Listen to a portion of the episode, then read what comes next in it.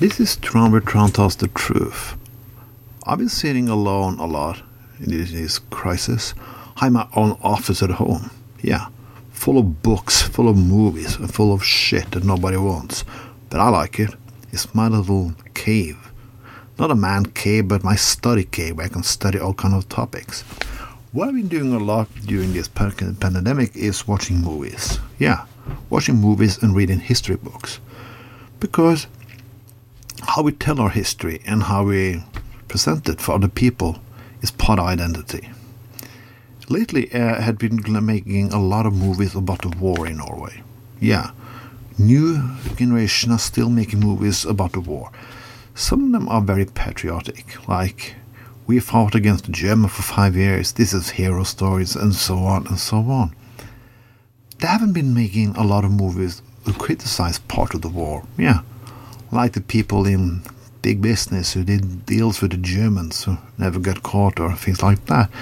Somebody tried to touch the subject, but it's not very popular. Somebody is not making a movie about either is how we treated the Jews. Yeah, mostly most of the Norwegian Jews were transported out of the country to concentration camp, and very few of them came back. We didn't do as Denmark, who saved most of their Jews.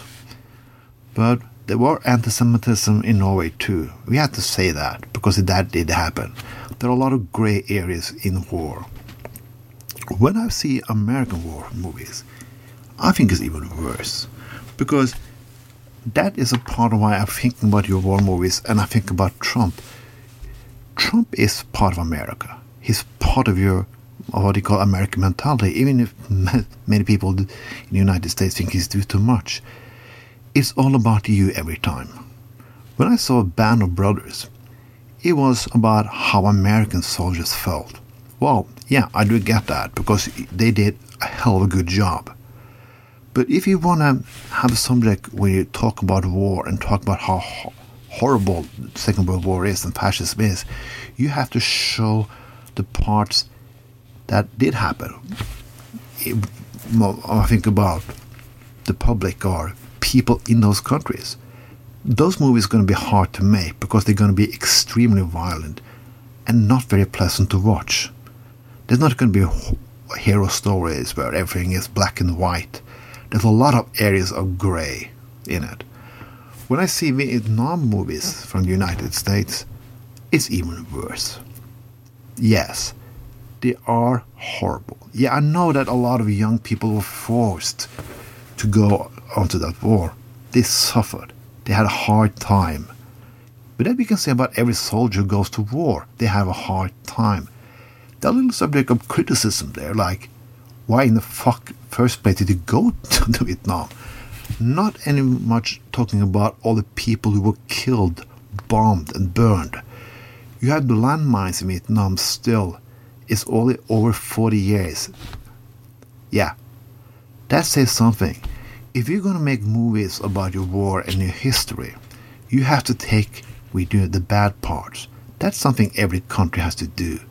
We're not very good at that in Norway, but I think we can say we're a little bit better.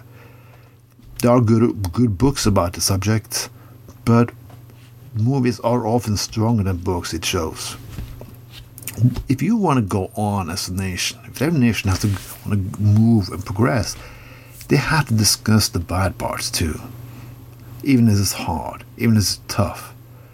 There are a lot of changes now. We call it identity, politics, and so on.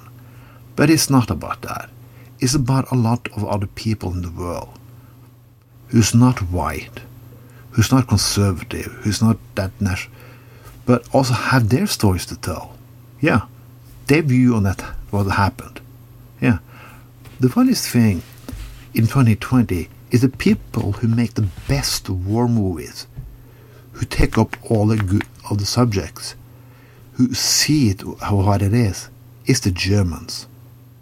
They have learned from their history. There are still fascism and Nazism in Germany, but they have learned. The rest of us, we have not learned a shit. And now we can drag the world into a new war about the same bullshit all over again, started by us not by Germany. This was Tron with Tron Tells the Truth.